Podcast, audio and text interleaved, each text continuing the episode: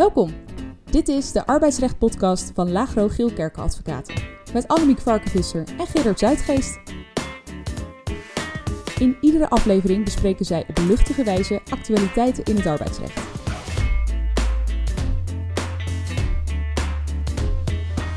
Welkom.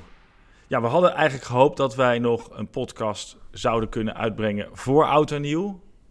Maar is helaas niet gelukt.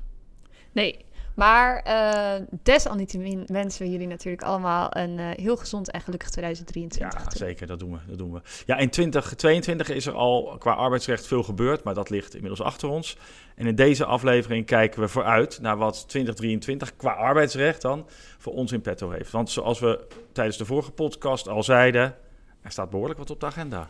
Ja, en daarna um, gaan we uh, naar de uitspraak van de week. En daar gaan we nog niet te veel over vertellen. Maar de zaak gaat over een gevangenisstraf en ontslag.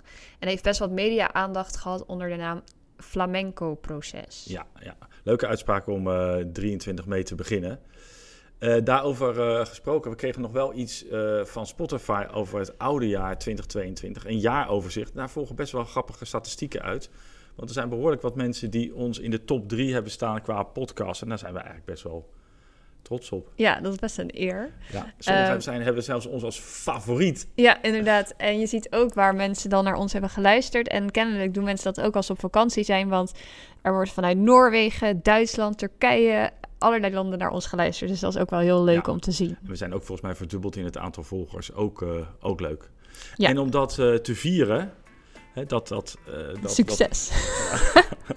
Dat, dachten we, we houden een prijsvraag. Ja. Daar kan je ook iets bij winnen. Mm -hmm. En dat, is, uh, dat gaan we aan het einde van deze podcast doen. Ja. Maar eerst... Nieuwsflash. Nieuwsflash. Wat moet je weten? De Nieuwsflash. Ja, in de Nieuwsflash bespreken we, zoals we al zeiden, de arbeidsrechtelijke veranderingen die ons staan te wachten in dit maagdelijke jaar 2023. Ja. Ja, wat is al zeker? Vorige podcast hebben we al besproken. Minimumloon wordt enorm verhoogd, ruim 10%. Ook de onbelaste reiskostenvergoeding, die misschien al wel 10 jaar op 19 cent staat, kan uh, worden verhoogd naar 21 cent. En mm -hmm. per 1 januari 24 gaat die zelfs door naar 22 cent. Uh, het, het meerdere blijft natuurlijk altijd onbelast. Belast. Ja, belast. Ja, je zei onbelast. Oh, sorry. Foutje. Uh, de thuiswerkvergoeding gaat omhoog naar 2,15 euro uh, per dag. Heeft natuurlijk te maken met de energiecrisis. Ja, maar hier gaat het niet bij blijven in 2023. Uh, en ook op, ja, op veel spannende gebieden gaat er het een en ander veranderen. Um, allereerst de pensioenwet. Ja, de Tweede Kamer heeft na uitgebreide beraadslagingen ingestemd met de nieuwe pensioenwet. En omdat GroenLinks en de Partij van de Arbeid ook voor hebben gestemd, zal ook wel een meerderheid in de Eerste Kamer worden behaald. En kan dus de wet in 2023 worden ingevoerd.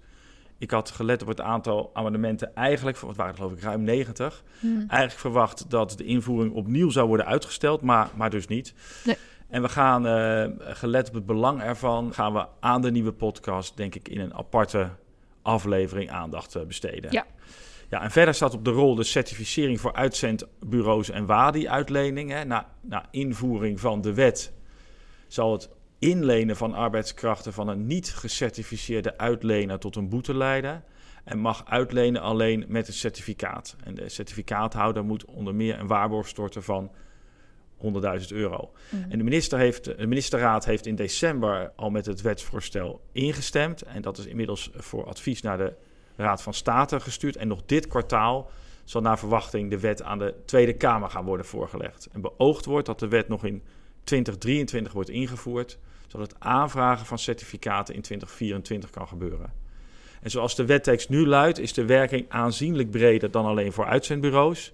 En ook dit is volgens mij zeker iets waar we nog een aparte podcast aan gaan wijden. En waarvan ik ook denk dat in de media te zijner tijd het nodige zal, over zal verschijnen. Maar dan weten jullie nu alvast dat dit er zit aan te komen. Ja, ja dan uh, de oproepkrachten. Voor mijn gevoel, gevoel wordt er echt bij elk wetsvoorstel wel iets veranderd. Waardoor er iets meer bescherming wordt toegevoegd uh, voor opro oproepkrachten. Ja. En in de laatste plannen van het ministerie is de gedachte dat oproepovereenkomsten zoals ze nu zijn helemaal worden afgeschaft. Ja.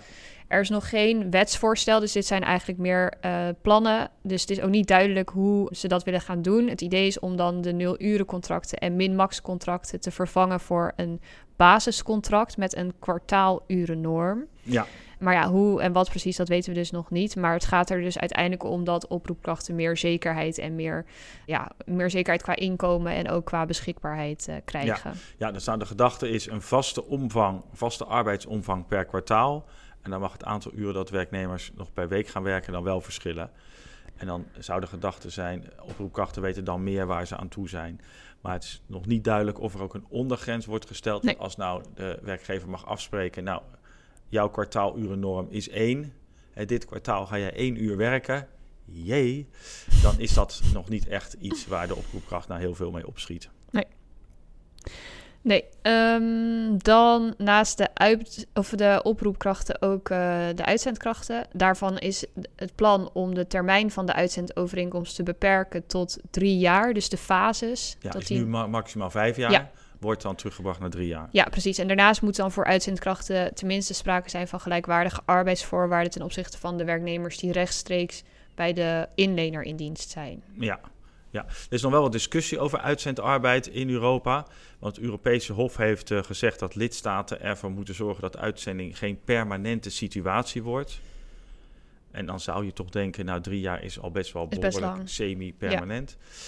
Dus een kortere termijn zou misschien in de reden liggen. Maar uh, we gaan nu volgens de plannen dus van vijf naar drie jaar terug. Wat misschien nog wat verdergaande gedachte is en waar we in Nederland nog niet aan toe zijn, maar waarvan ook wel van wordt verwacht dat in, in de toekomst daar toch wat meer aan gaat worden gedaan, is de gedachte: het werk zelf moet tijdelijk zijn. Hmm. Het ter voorkoming dat het werk constant is en steeds door wisselende uitzendkrachten wordt verricht. Elkaar opvolgende uitzendkrachten. Nou, voorlopig wil Nederland niet aan dat soort stevige extra beperkingen voor uitzendarbeid. Maar dus de verkorting uh, van de fases naar uh, drie jaar. En dan krijg je dus als uitzendkracht sneller een vaster contract met je uitzendbureau. Ja. Maar kun je nog steeds jarenlang als uitzendkracht bij uh, opdrachtgevers werken. Ja. Dat was het voor de uitzendkrachten. Ja. Dan een andere wijziging is die in uh, de ketenregeling. Nu geldt ja. natuurlijk dat als je een onderbreking van zes maanden hebt tussen twee verschillende arbeidsovereenkomsten, dat je dan opnieuw begint in de keten. Dus dan ja. heb je een, een, een schone lei. Ja, precies. Maar de gedachte is om dat af te schaffen. Dus dat die. Um... Ja, dat, er geen, dat, er, uh, dat het, het, het veel moeilijker is om uh, de keten te onderbreken. En als, als dan een werknemer uh, na een pauze van een jaar toch weer terugkeert bij een werkgever, Ja. dan geldt het als nieuwe schakel in de keten en wordt het dus veel sneller een arbeidsovereenkomst voor een bepaalde tijd. Nou, dat zou bij de volledige afschaffing van die pauzeknop ertoe leiden dat als je na zeven jaar terugkeert bij je oude werkgever, waar je voorheen ook al een paar jaar hebt gewerkt, meteen weer een arbeidsovereenkomst voor een bepaalde tijd moet worden aangeboden. Ja, dat is dan uiteindelijk ook niet echt de bedoeling. Nee. Uh, er wordt wel een administratieve termijn opgenomen, zo lijkt het uit de plannen van het ministerie te volgen. En men denkt aan een termijn van drie jaar. Dus als de, als de onderbreking langer dan drie jaar heeft geduurd, dat dan inderdaad weer die schone lei ontstaat. Is de onderbreking korter dan drie jaar, dan uh, uh, blijft de ketenregeling uh, gelden. Ja. Er is nog geen concrete wetgeving, maar er wordt wel beoogd dit al in 2023 te gaan invoeren. Ja. Dan denk ik daarna het concurrentiebeding. Ja. Het concurrentiebeding uh, wordt, als het goed is, in het nieuwjaar ook uh, geherformuleerd. Ja. Nu zie je dat werkgevers eigenlijk vaak een standaard concurrentiebeding voor al het personeel opnemen. En uh, de gedachte is dat dat ja, niet voor alle functies nodig is of Ja. noodzakelijk is. Dus wat het idee is, is om in ieder geval een maximumduur op te nemen. Dus dat het bijvoorbeeld nog maar maximaal een jaar kan gelden, het Ja. concurrentiebeding.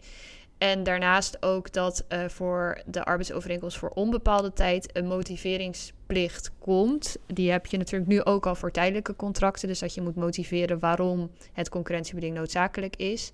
En dat zou dan ook gaan gelden voor de vaste contracten. Ja, dat zou best wel een significante wijziging ja. zijn. Hè? En uh, zal voor veel werkgevers echt wel uh, achter de oren krabben zijn. Want waar het inderdaad nu nog gewoon is om werknemers een concurrentiebeding op te leggen, zal dat dan tegen die tijd echt veel lastiger zijn. Ook omdat een belangrijk onderdeel van de wet zal worden dat als je als werkgever de werknemer aan het concurrentiebeding houdt, je moet betalen. Nu is er een mogelijkheid opgenomen in de wet dat de rechter dat kan bepalen, maar dan zal worden vastgelegd als als werkgever zegt, werknemer, je bent aan het concurrentiebeding gebonden, moet je die werknemer betalen eh, een bedrag ineens.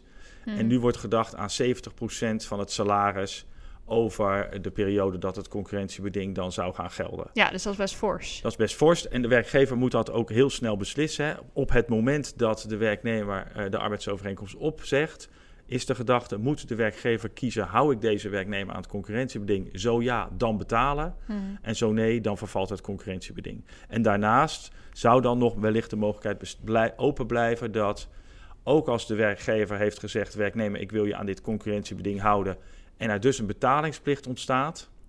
Dat desondanks de kantonrechter dan nog zou kunnen beoordelen of het concurrentiebeding niet toch, zoals nu ook mogelijk is, moet worden doorgehaald, geschorst, beperkt, et Mhm. Zodra daar een definitieve wettekst van is, zullen we dat natuurlijk aan jullie melden. Want dit is echt wel iets wat voor de praktijk hele significante impact eh, Ja. zal gaan hebben. Ja, dan de Kamerbrief van 16 december van vorig jaar. Eh, daarin staan plannen op het gebied van de zelfstandigen eh, en het onderscheid, onderscheid tussen zelfstandigen en werknemers. Die Kamerbrief, eh, daarin is Want best wel... ja? Sorry, ja, maar de, de gedachte van het ministerie is... we moeten af van veel ZZP'ers. Veel van de ZZP'ers zijn eigenlijk werknemers. ja, precies. Het oogmerk is minder ZZP, meer werknemers. Ja, en ik denk ook het oogmerk is om daar duidelijk, meer duidelijkheid in te verschaffen. Omdat Ja. dat nu Ja. vaak onzeker is. Ja, en men doet dat, men brengt dat natuurlijk al- al in de gedachte... ja, dat is de onderkant en die worden Ja. uitgebuit, et cetera. Eh, Maar een deel van de werkelijkheid is natuurlijk ook... dat ZZP'ers aanzienlijk minder belasting betalen... Mhm. bij een vergelijkbaar inkomen als werknemers. En voor werknemers wordt alles keurig afgedragen en ingehouden. En ZZP'ers, eh 80% van hen betaalt geen inkomstenbelasting. Ja, ja. En dat is voor Den Haag natuurlijk een heel groot probleem. Die ZZP'ers voeren allerlei lasten op, waardoor ze hun inkomen drukken. Er is natuurlijk een forse zelfstandige aftrek. Mhm. Daar wil Den Haag van af, want dat, daar heeft men in de schatkist natuurlijk ook last van. Een deel van dat is ook al aangepakt. Mhm. Een forse terugbrengen van, het, van de zelfstandige aftrek in een aantal jaren. Maar nu wil men ook kijken naar dat gezagscriterium. Ja, precies. Dus nou, die Kamerbrief is heel uitgebreid, maar ik haal er nu even twee dingetjes uit. En de eerste is dat, dat gezagscriterium inderdaad. Gezag is uiteindelijk kenmerkend voor de vraag of er sprake is van een arbeidsovereenkomst. Mhm. Zo wordt dat, dat in ieder geval nu gezien. Ja. En in die Kamerbrief staat, nou, we willen eigenlijk naar drie elementen gaan kijken om te bepalen of er sprake is van een arbeidsovereenkomst. De eerste is dan inderdaad dat, dat ja, die klassieke instructiebevoegdheid. Dus in hoeverre is de werknemer gehouden aan de instructies van de werkgever. Mhm. De tweede is, en dat is, ehm, ja, dat is best een verandering van hoe dat nu is, namelijk de vraag of het werk dat de werknemer doet, of dat ingebed is in de organisatie van de werkgever. Dus bijvoorbeeld een verpleegkundige in het ziekenhuis, die doet natuurlijk de werkzaamheden die de kern zijn eh, van de onderneming. Die kan dat veel minder snel doen op basis van een eh, overeenkomst van opdracht. Ja, dat is de beoogde gedachte. Ja. Want de werkzaamheden zijn ingebed in de Precies. organisatie van de werkgever. Ja. Van, ja. Ja, dus dat is dan het tweede element. En het derde element is in hoeverre eh, de werknemer of zelfstandige dan dus ondernemersrisico draagt. ja, Dus dat zijn drie elementen waar, op basis waarvan dan moet worden beoordeeld of er sprake is van een, een arbeidsovereenkomst of een overeenkomst van Ja, opdracht. En met name denk ik ook dat tweede element, hè, dat ingebed zijn, eh, de werkzaamheden ingebed in de organisatie van de, van de werkgever of opdrachtgever, dat zal denk ik een belangrijk effect hebben Hmm. als dat wordt ingevoerd. Want nu is nu vaak de beoordeling, is de werknemer ingebed Ja. in de organisatie? Krijgt hij een kerstpakket, krijgt hij Ja, vakantiedagen, wordt het loon doorbetaald bij arbeidsongeschiktheid?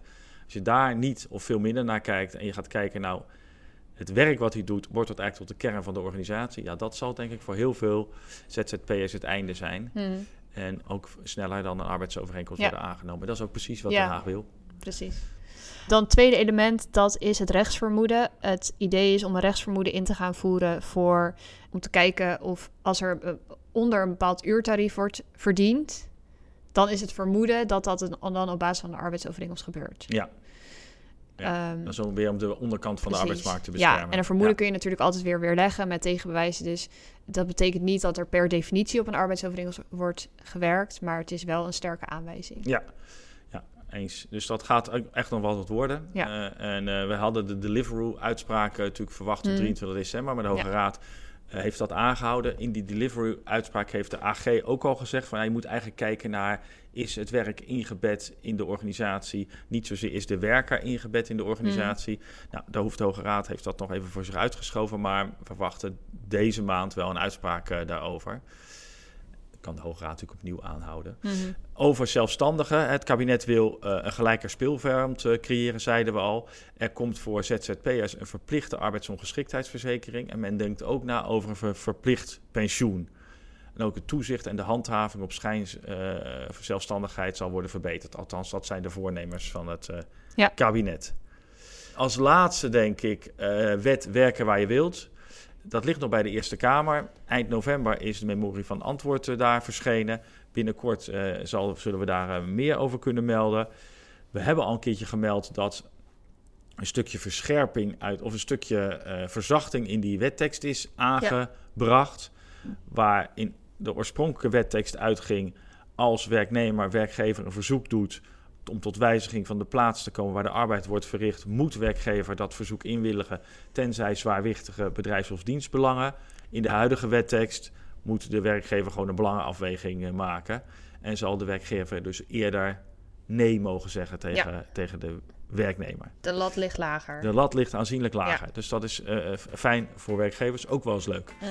Er gaat echt wel wat gebeuren in eh 2023. Dus we Ja. gaan, een, we, gaan een, we gaan een mooi jaar eh, tegemoet. Ja, zeker. En als er eh, concrete wetteksten zijn, horen jullie daar eh, natuurlijk hier eh, meer van. Ja. En dan nu? Uitspraak van de week. De uitspraak van de week. Ja, uitspraak van de week. Eh, voordat we eraan beginnen, eh, kwam ik nog een andere uitspraak tegen die net niet uitspraak van de week is geworden. en dat ging over een aspect wat we wel eens eerder in een eerdere podcast hebben behandeld: dysfunctioneren. En de Mhm. vraag: eh, is er sprake van dysfunctioneren als je targets niet haalt? Toen de tijd hebben we al gezegd: ja, mm, mm, je kan niet alleen maar zeggen als je de targets niet haalt, is dat dus dysfunctioneren, dus beëindiging van de arbeidsverhouding. Nu is er ook weer een nieuwe uitspraak van een kantonrechter die dat bevestigt. Het ging om een harde salesfunctie. Werknemer haalt targets niet. Werkgever gaat naar de rechter. Kantonrechter zegt, ja, dat is niet automatisch dysfunctioneren. Daar moeten bijkomende omstandigheden zijn Mhm. voordat dat eh, tot dysfunctioneren kan worden gemaakt. Helpt werkgevers misschien niet altijd, maar wel goed om te weten. Ja. Dan, Dan de uitspraak van de week. Flamengo. Ja, flamenco. ja, ging over een werknemer van de Jumbo, de supermarkt. Die was sinds 1999 in dienst. Eh, in 2020 is hij... Best a- lang al dus, hè? Ja, best wel lang. In 2020 is hij aangehouden eh, door de politie en in voorarrest geplaatst. En twee jaar later, eh, op een gegeven moment wordt hij wel vrijgelaten en gaat hij ook wel weer werken. Maar twee jaar later wordt hij door de meervoudige Kamer voor strafzaken veroordeeld tot een gevangenisstraf van 54 maanden. En nou, het blijkt dus dat hij eh, deel heeft genomen aan een criminele organisatie die zich onder andere bezighield met de invoer van cocaïne en witwassen. Ja, pittig. En Ja. veel werkgevers zullen natuurlijk denken, ja, hallo, eh 54 maanden gevangenisstraf, ja, dan zou je wel van deze man af kunnen. Ja. En het goede nieuws is, dat lukt Dat ook. ja. Maar de gedachte, het automatisme, mijn werknemer gaat naar de gevangenis, dus is dat einde arbeidsovereenkomst, dat is niet zo. Nee. In, in, eh, als er overzichtelijke gevangenisstraf wordt opgelegd, dan wordt van de werkgever verlangd dat hij dat maar met de werknemer uitzit. Precies. En dat dat niet automatisch met zich meebrengt dat dat een ontbindingsgrond is. Werkgever hoeft natuurlijk niet het salaris te betalen voor de periode dat de werknemer binnen zit. Mhm. Want het is niet beschikbaar voor de arbeid. Maar eh, een automatisme met de beëindiging is er niet. Nee, klopt. Hier werd er wel beëindiging door de kantonrechter uitgesproken. Ja. Want Nou, ik denk dat twee eh, dingen van belang waren. Eerste is de lengte van de gevangenisstraf. Het ging dus niet om een hele om een korte gevangenisstraf, maar 54 maanden. Dus dat is pittig. best wel lang. Ja. En ik denk dat het tweede element is dat de werknemer ook de naam Jumbo had gebruikt in zijn criminele activiteiten. Ja, volgens mij noemden ze een Matties hem Jumbo. Ja, Ja. precies. Dus die link met eh, zijn werkgever, daarvan heeft Jumbo ook gezegd ja, dat, dat eh, maakt het een soort van extra erg. Ja, was volgens mij niet doorslaggevend in de Nee. procedure, maar zal niet hebben geholpen, denk ik, in Nee, de afwegingen. Dus uiteindelijk komt dat dan uit op een H-grond. We hebben natuurlijk verschillende ontslaggronden in het arbeidsrecht A tot en met I. En H-grond is dan echt de restgrond die je hebt. Ja. Dus ehm, ja, zo'n zo situatie als een gevangenisstraf kan dus een H-grond opleveren. Ja. En gelukkig leidt dat voor Jumbo tot de ontbinding van de arbeidsovereenkomst. Wat misschien nog wel bijzonder is, is dat de rechter vond dat werkgever ook geen transitievergoeding was verschuldigd. Want beëindiging was ernstig verwijtbaar volgens de eh kantonrechter. Hè, meestal gaat eh ernstige verwijtbaarheid op een situatie waarbij werknemers zich schuldig maken aan diefstal, verduistering of bedrog, andere misdrijven, waardoor er ver- eh, een vertrouwensbreuk ontstaat tussen werkgever en werknemer, waar de werkgever ook een rol in heeft, een rol in speelt. Er wordt bij de werkgever gestolen. En eh, de kantonrechter zegt, nou daarvan is hier geen sprake. Er was niet van de werkgever gestolen, maar eh, die situatie wordt toch analoog toegepast. Ernstige misdrijven, lange gevangenisstraf, ernstig verwijt dus eh, aan de kant van de werknemer. En het feit dat hij dus een lange periode niet zijn werkzaamheden kan uitvoeren, wordt daarbij ook meegenomen. Ja. En dus ondanks meer dan 20 jaar dienstverband, geen Ja. transitievergoeding. Ja. Ook wordt de opzegtermijn niet eh, toegepast. Ook al maakt dat natuurlijk eigenlijk niet zoveel uit, want hij kreeg toch geen salaris. Nee, als je in de gevangenis zit, hoef krijg je geen salaris. Nee. Nee. Nou, dat was dan de dat was denk ik de uitspraak van de week. En dat Ja. liep dan voor de werkgever eh, goed af. En dan nu, denk ik... De prijsvraag. Jeetje. Oké, zal ik hem stellen? Eh, Of wil jij? ja, we hebben een vraag. En, en, als, en antwoorden moeten worden gestuurd naar podcast.lgga.nl. Podcast.lgga.nl. En we doen niet degene die het snelst is. Nee. Eh, we, eh, degene die eh, het goede ant- antwoord heeft, die krijgt een taart. Zijn er meerdere goede antwoorden? Verwachten we wel natuurlijk. Hè? We verwachten Ja. echt honderden mails. Dan gaan we loten. Ja. En dan eerlijk loten. Hè? Ja, en even nog praktisch, want we gaan dus die taart gaan we toesturen. Dus het is handig dat als je antwoord geeft, dat je dan ook het adres even meestuurt waarmee of waar die taart naartoe kan Ja. worden gestuurd. En Ja. we doen verder natuurlijk niks met dat adres. Gaan we ook meteen weer weggooien. Ja. Eh, maar dat is handig. Ja, we te- stemmen dan wel even af op welke dag het wordt bezorgd Ja. natuurlijk. Want ja, door de brievenbus, de taart is daar denk ik wel te groot. te En dan wordt hij ook niet lekkerder. Nee, wordt hij niet lekker van. Oké, de vraag dan maar. Oké, de vraag is: we hebben in het arbeidsrecht verschillende wettelijke ontslaggronden. Dus de ontslaggronden op basis waarvan ontbinding eh, of ja, ontbinding kan worden gevraagd de Of opzegging, ja. Precies, ja. En de vraag is: hoeveel verschillende wettelijke ontslaggronden zijn er?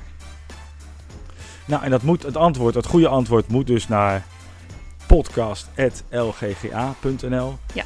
En eh, dan maak je kans op een heerlijke taart. En wat is leuker om het nieuwe jaar goed in te gaan Met een taart. dan met een taart? Ja, precies. Fantastisch. Nou, dit was het dan eh, voor eh, deze keer. Zeker. Bedankt voor het De luisteren. eerste van het nieuwe jaar. Ja, inderdaad. Nou, die zit er ook weer op. Bedankt voor het luisteren en tot de volgende keer. Ja.